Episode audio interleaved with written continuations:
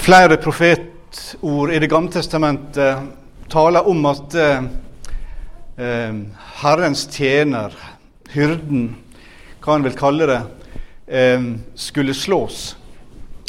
Zakaria han eh, sier dette i kapittel 13 vers 7. Sverd vakna opp mot hyrdingen min, slå hyrdingen, og sauene skal spreies, og jeg vil atter ta meg av de små. Og Les oss Jesaja sine profetier fra kapittel 52 og utover om eh, sangen om hyrden, så eh, finner oss det samme.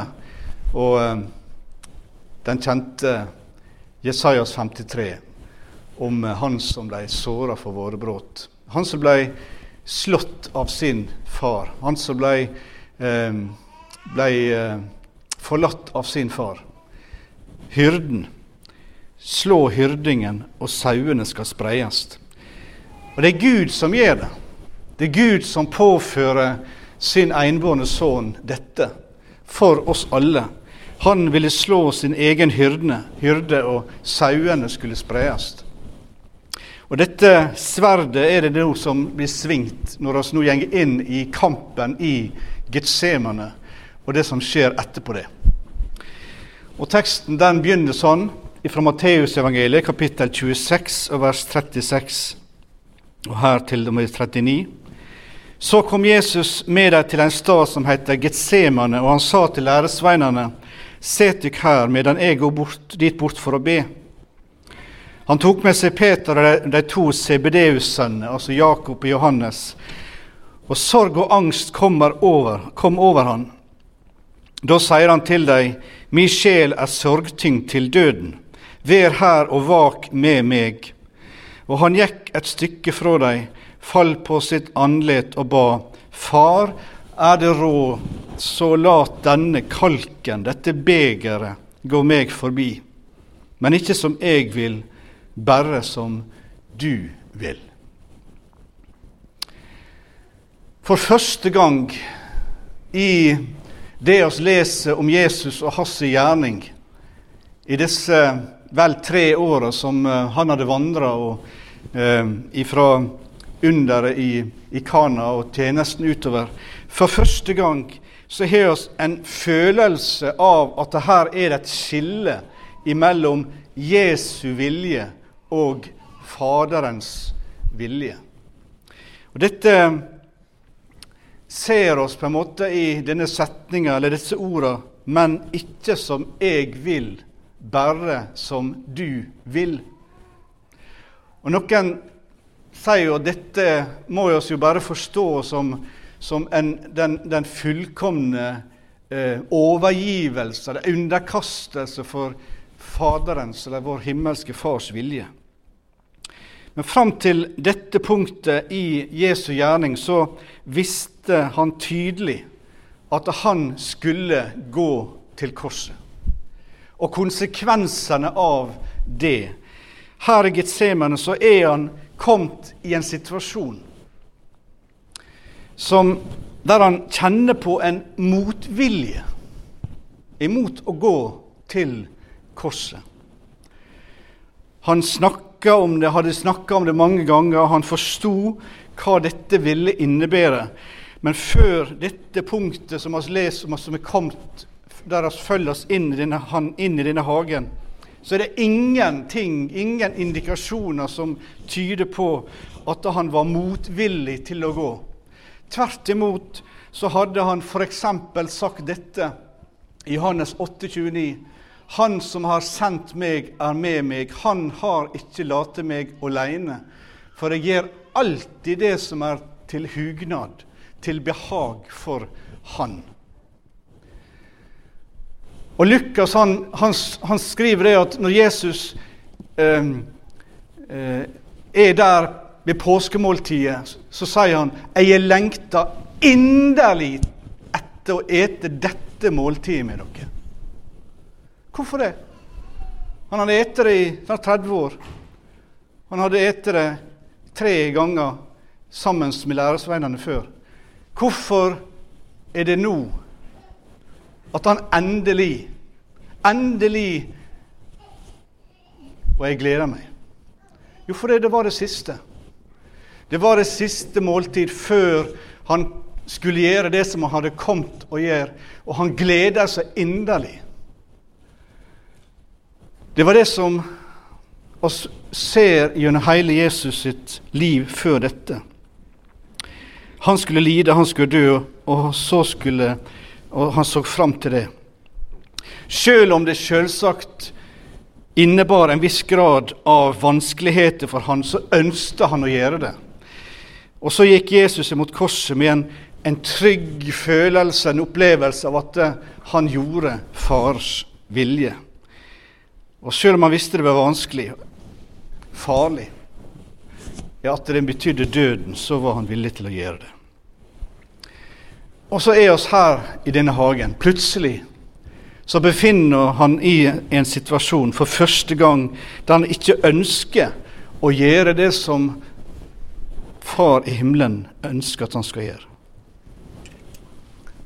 En følelse av avstand, en opplevelse av å gjøre og ønske noe annet. Og det er grunnen til at det kom over han en sånn ånd av kamp. En sånn utrolig sterk åndskamp som oss leser hos de ulike evangelistene, og også andre plasser. Han sier 'mi sjel er sorgtyngd inntil døden'. Mi sjel er sorgtyngd inntil døden.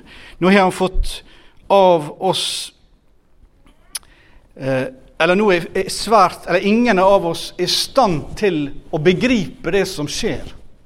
Det er ingen av oss som er i stand til å trenge inn i den kampen som Jesus drev.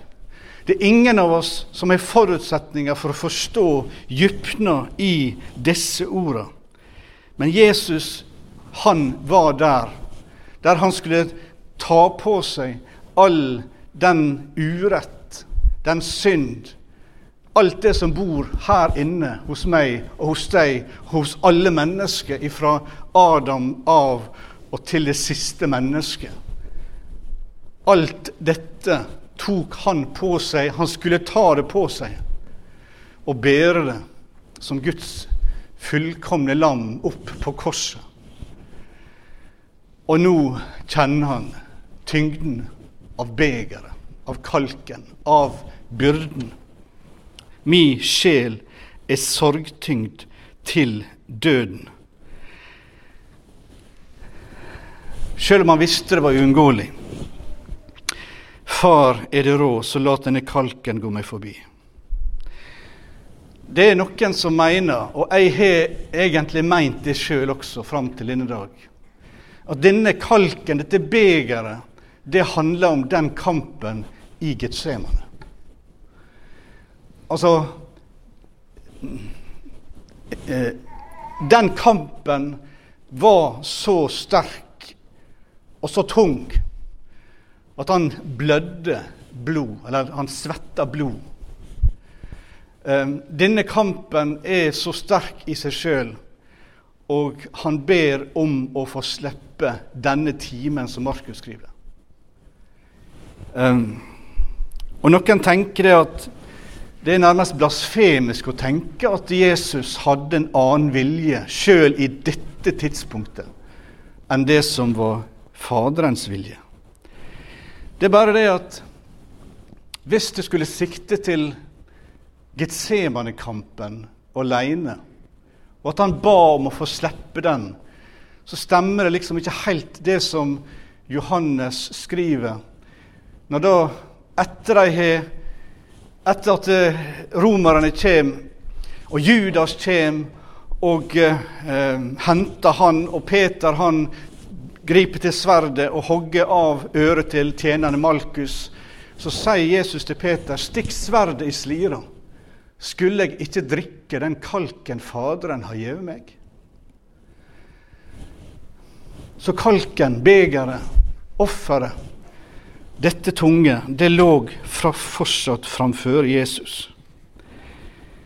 Og Jeg vet at det er en del kristne som er plaga av denne tanken. At det skulle være en stund der Jesus ikke ønsker å gjøre Faderens vilje. Men noe i ham fikk han til å grue seg så sterkt. Og vi kan forstå hvorfor han ikke ønsket å gå videre, hvorfor han ønsket å unnslippe det. Og så ber han om en vei ut. Er det mulig? Og så føyer han jo til, men ikke min vilje, din vilje.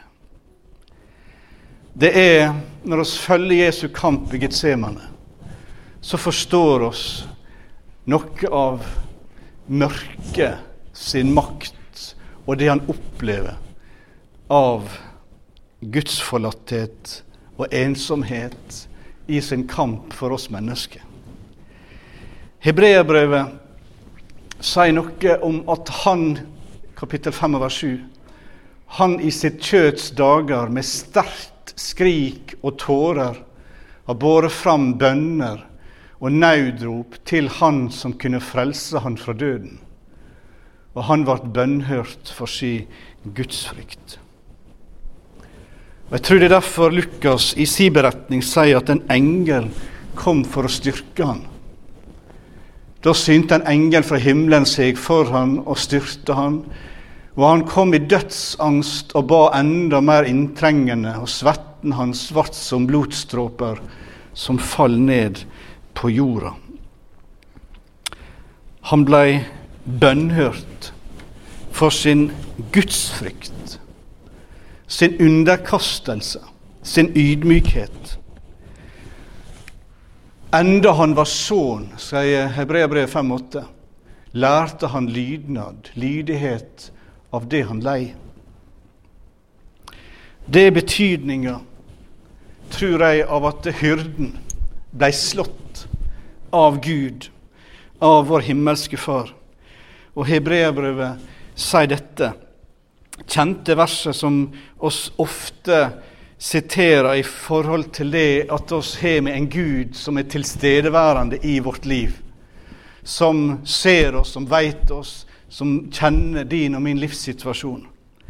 Hebrevet 4,15. For vi har ikke en øverste prest som ikke kan ha medynk med oss i vår veikskap, men en som er prøvd i alt på samme måte som vi, men uten synd.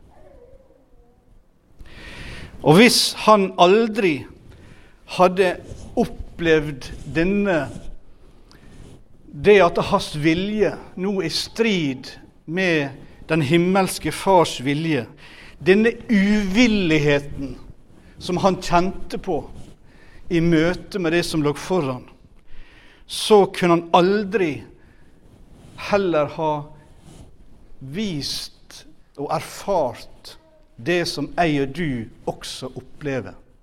For hva er det? Jo, rett som det er, hvis vi skal være ærlige med oss sjøl, så kjenner oss en uvilje imot Guds vilje.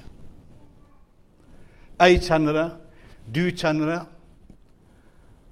oss alle kjenner det en uvilje imot Guds tanke og Guds vilje. En uvilje til å underkaste oss det som Han har sagt i sitt, i sitt ord. Kanskje ikke mye, men det er ting, hvis vi skal være ærlige, som oss har vanskelighet med å akseptere. Og Her er Jesus sin situasjon der han ikke ønsker å gjøre det Faderen ønsker han skal gjøre. Og han måtte tvinge seg til å fortsette. Og han gjorde det ved å underkaste seg på nytt under Faderens vilje og ønske, og be om hans styrke til å gå gjennom det. Du må gjerne være uenig med meg i dette og ha en annen forståelse av dette, men jeg klarer ikke å se at det er noe bespottelig eller blasfemisk eller hva jeg skal si, i forhold til å tenke dette om denne situasjonen som Jesus går gjennom i Getsemane. Men det er et mysterium. Det er et stort mysterium som ikke jeg kan forklare med noen få ord, men som jeg og du må trenge inn i i disse tekstene. Men likevel så ser jeg en enorm hjelp, i hvert fall for min egen del, til det når vi strever med hva som er Guds vilje. Når du kjemper med hva som er Guds vilje, og når du møter mennesker i samfunnet vårt som åpenbart står opp og sier imot Guds vilje, og jeg og du skal forholde oss til alle disse meningene Jeg leste om et ungt par som skilte seg fra hverandre for noen år siden. Det var ikke så lenge etter de gifta seg. De hadde fått en baby. Og de, de havna i en forferdelig sinne, utbrudd og krangel. Og han pakka sakene sine og dreg. Og han sa oss hater hverandre. Oss rett og slett hater hverandre, begge to. For begge var like sinte, og begge sto opp imot hverandre. Hun hater han, og han hater sin kone. Og han sa 'jeg vil aldri tilbake'. Og Pastoren som forteller dette, sier at han gjenger etter han, og prøver å si noe om konsekvensene av dette, ansvaret som han hadde, ikke minst som en kristen, men avviste det, gikk sint men etterpå så forteller han at Guds ånd talte til ham. Og Guds ånd gjorde han oppmerksom på at han ikke kunne forvente Guds velsignelse i sitt liv hvis han fortsatte å gå på den veien. Han ville ikke oppleve lykke i sitt liv hvis han bevisst nekta å adlyde det Gud sa han måtte gjøre. Og han sloss imot det med hver fiber i kroppen sloss han imot det, det som han visste egentlig var rett. Og han bestemte seg for at han ville adlyde Gud. Han ville gå tilbake til kona si, han ville gå tilbake til babyen sin. Og han sa det var ikke lett å gjøre, men han gjorde det. Han tvang seg til å gjøre det. Og han fant ut at Gud hadde gjort et lignende verk i hans kone og hadde gjenoppretta noe i hans kone også, så de kom sammen med en, en viss grad av ydmykhet og fikk snakke sammen og finne ut av det. Og Etter hvert så gjenoppretta Gud den heimen, og de fant tilbake til kjærligheten til hverandre, og de fikk et godt ekteskap. Mannen sa at han visste han måtte tilbake til sin familie, sjøl om det var i strid med enhver følelse som han hadde. Og det var Guds vilje. Jesus forstår det. Jesus forstår når de følelsene som jeg og du måtte ha imot hva som er rett, om hva som er Guds vilje, når alt i oss kjemper imot og nekter å akseptere det Gud har sagt i sitt ord. Jesus forstår det. Og Derfor så kan han også fullkomment hjelpe oss når vi kommer til han med også disse ting. Det er hjelp å få. For oss har en øversteprest som er prøvd i alt, også i dette. Og det vil komme en tid i ditt liv, uansett hva Guds ord sier, at du ikke ønsker å adlyde. Og Jesus han har vist oss et eksempel. Svaret er å underkaste oss Guds nåde, Guds barmhjertighet og Guds vilje. Vel vitende om at eh, Gud, hvis ikke Gud blir med oss, så er det ingen vei videre for oss. Men oss bestemmer oss sjøl hva vei oss vil gå. Ydmykelsen, underkastelsen av Guds vilje eller vår egen vei.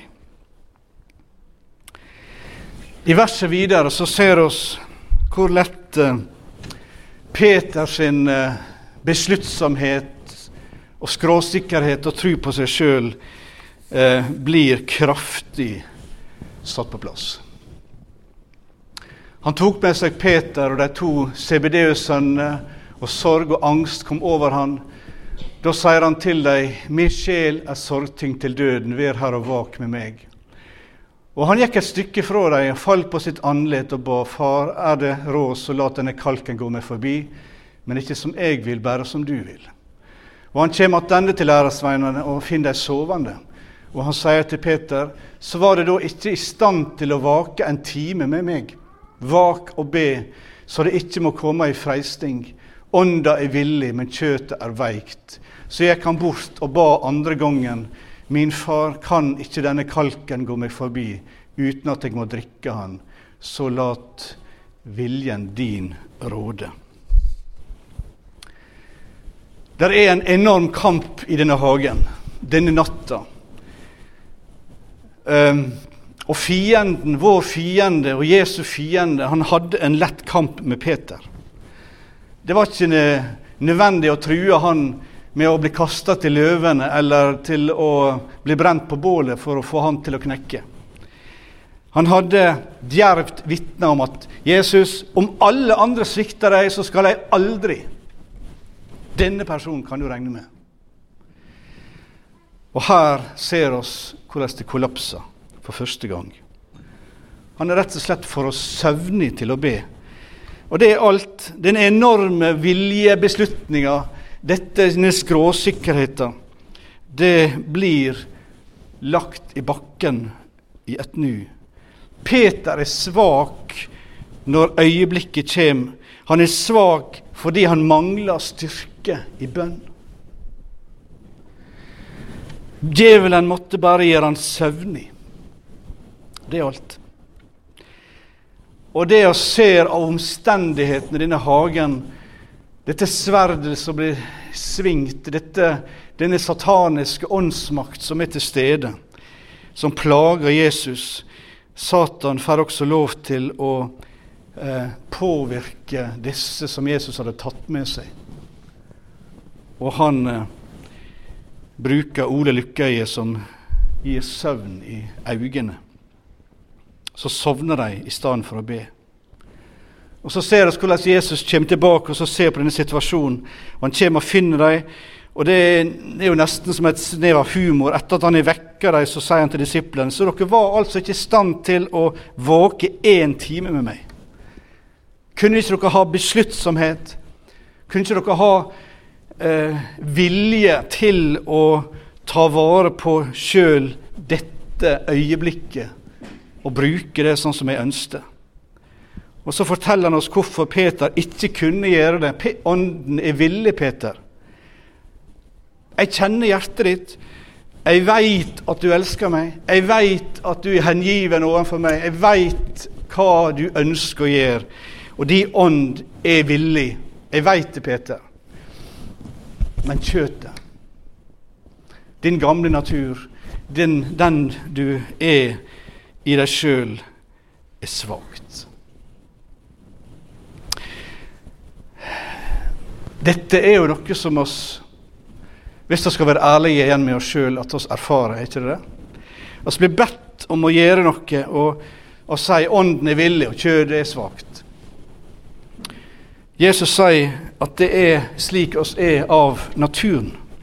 Og det er den menneskelige følelsen som oss har en, eh, en, en slags um, ønske i oss sjøl til å kunne være en som er uavhengig, en som skal klare seg.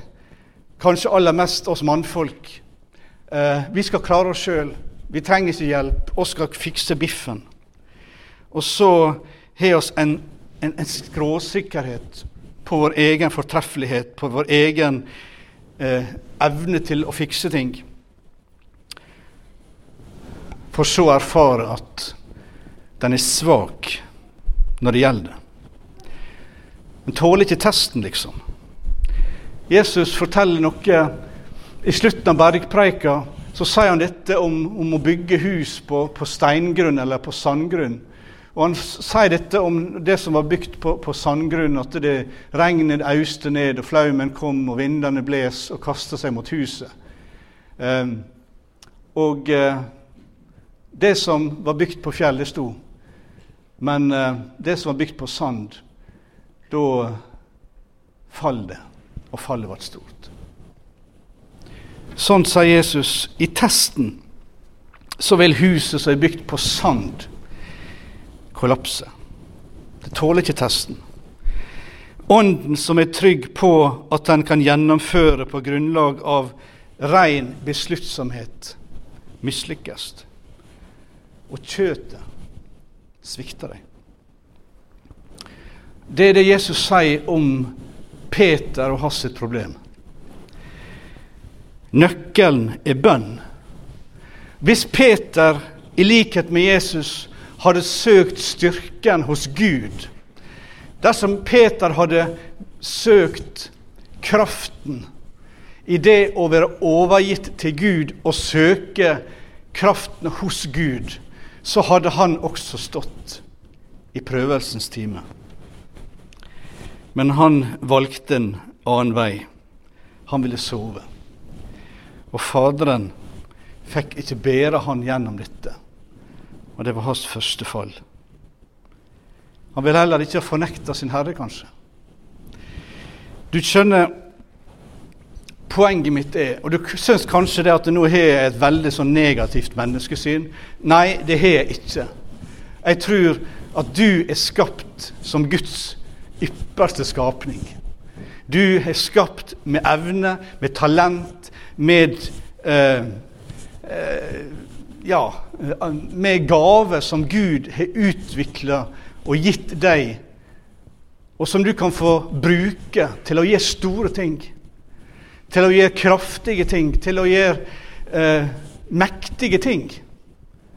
Om du vil innvie til Gud og bruke det. Men poenget mitt er at når det kommer til sjuende og sist så er faktisk vår svakhet det eneste som oss med sikkerhet kan regne med vil være der, og ikke vår styrke. I prøvelsens time, i testen, så er vår svakhet det eneste sikre, og ikke vår styrke. Det er flott å høre på mennesker som har tro på at de skal klare ting. Spesielt unge mennesker som har, fått en god porsjon av skapelsesteologi og tenker at eh, nå skal jeg eh, ut og virkelig få eh, gi noe for Gud. Og jeg skal, jeg skal virkelig både innta samfunn og, og, land og nasjoner. Og, og det er ikke måte på hva tru en har på seg sjøl i forhold til det å skulle utrette store ting for Gud. Men jeg har lært, både i mitt eget liv, men også når vi leser om Peter og mange andre i Bibelen, og livet ellers gir oss den erfaring at uh, i prøvelsens time så er det denne første som blir skylt vekk, er denne sjøltilliten. Jeg har tillit, heller mer tillit til en mann og en kvinne som sier jeg er redd. Jeg er redd for det som ligger framfor meg. Jeg tror, jeg tror egentlig ikke jeg klarer det. Men jeg opplever at Gud kaller, og jeg opplever at jeg kan gå til Gud for å finne styrke hos Han. Og jeg opplever at Gud kan gi meg den kraft som jeg ikke eier i meg sjøl. Og derfor så går jeg. Og derfor så vil jeg tjene. Og jeg ser at han kan gi meg styrke. Slike menn og kvinner er kommet dit som der en er avhengig av Gud.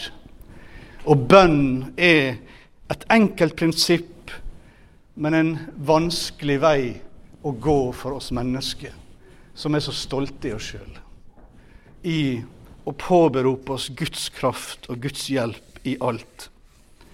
Men det er i bønnens vei og i det Gud kan gjøre gjennom bønnelivet og i samfunnet som jeg og du har med Han, at Gud kan forme oss og fylle oss med sin styrke. Og Gud kan få bruke oss. For noen år siden så satt jeg Det var i sommeren 2009 så um, jeg skulle begynne i den stillinga jeg har nå. Og da um, satt jeg borte i Edinburgh og tok oss en tur dit den sommeren. Og så oppsøkte jeg alene et hus noen hundre meter nedenfor Edinburgh Castle, som ligger på høgden, og så går du nedover en vei. Og så kommer du til eh, hus, et lite hus på sånn vel 30 kvadrat. Et hus i fire etasjer der John Knox bodde. Eh, I hvert fall på slutten av sitt liv. Denne reformatoren i, i Skottland som eh, levde på 1500-tallet, og som var kjent for sin forkynnelse, for sin tru og for sitt bønneliv.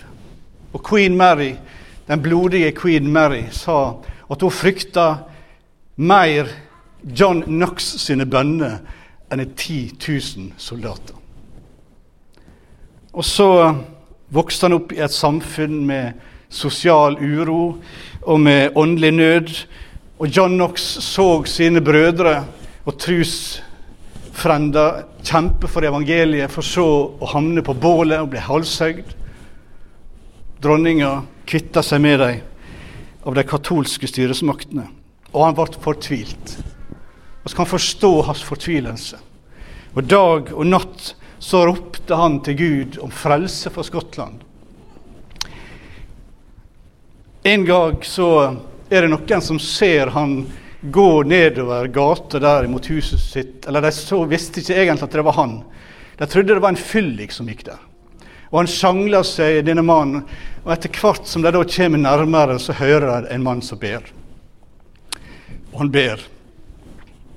Å Herre, gi meg Skottland, eller så dør jeg. Hva annet har jeg å leve for? Å Herre, gi meg Skottland, enn så dør jeg. Hva annet har jeg å leve for? Og så sitter jeg i dette lille huset, og så hører dette i veggene. Og så tenker jeg hva har jeg å leve for? Hva har du å leve for? Og hvor skal jeg få kraft til å leve det livet som Gud ønsker og skal leve? Hvor skal du søke kraften til å bety noe for mennesket? bety en forskjell som du ønsker å være i tjeneste for Gud, i overgivelse til Han, så kan oss komme og bli fylt av Hans kraft og overgi oss til Han. Styrke, det er det bønn gir. Og det er det Getsemane-kampen viser oss. Og Jesus ba oss er fylt av undring av hva han ber om. Og sjøl om han svetta blodstråper, så sto han fast. Og så gjorde han Faderens vilje. Og så gikk han til Golgata. For meg og for deg. Og så er han i dag en soning for alle våre synder. Og han kan oss komme til med alt og be innenfor nådens trune. Da han kom attende, fant han dei sovende att, for auga deres var tunge av søvn, og han let dei være. Og gikk etter bort, atter bort og ba tredje gangen med de samme orda. Og Deretter kom han attende til læresveinen og sa til dei, det søv ennå, og hviler dykk. Sjå, timen er kommet, når menneskesonen skal gjevast i hendene på syndere. Stå opp, la oss gå. Se han som svik meg, er nær. Av og til så kan oss bli så fylt av sorg at vi har bare lyst til å sove. Og det er mørke skyer over horisonten. Hva gjør det med meg, hva gjør det med deg? Kjenner du bare på en sånn sorg at du har lyst til å sove? Jeg husker den øya da jeg vokste opp. Så uh, hadde vi hatt et, et rikt ungdoms, barne- og ungdomsarbeid. Og så kom det på et, et tidspunkt der vi så ungdommene dreiv vekk. Søkte et annet eh, miljø. Og en av de eldre på bedehuset han sa nå kjenner jeg meg så sorgfull at jeg har lyst til å sove. Det er en naturlig reaksjon. Og det er så mange ting som kan true oss, og enten det handler om deg og din personlige situasjon her og nå, eller det er de store tingene som virker så truende. Lysten til å bare sove. Jesus vil Jesus vil at du skal møte realitetene slik de er. At du skal face de tingene som gjelder deg og ditt liv. At du skal face den virkeligheten som han som han ser, og det profetiske ord som han også har gitt oss om hvordan ting kommer til å bli i det store bildet. Og så skal vi møte dem i bønn. Møte dem i bønn til Han som kan gjøre mer enn det jeg og du veit å be om. Amen.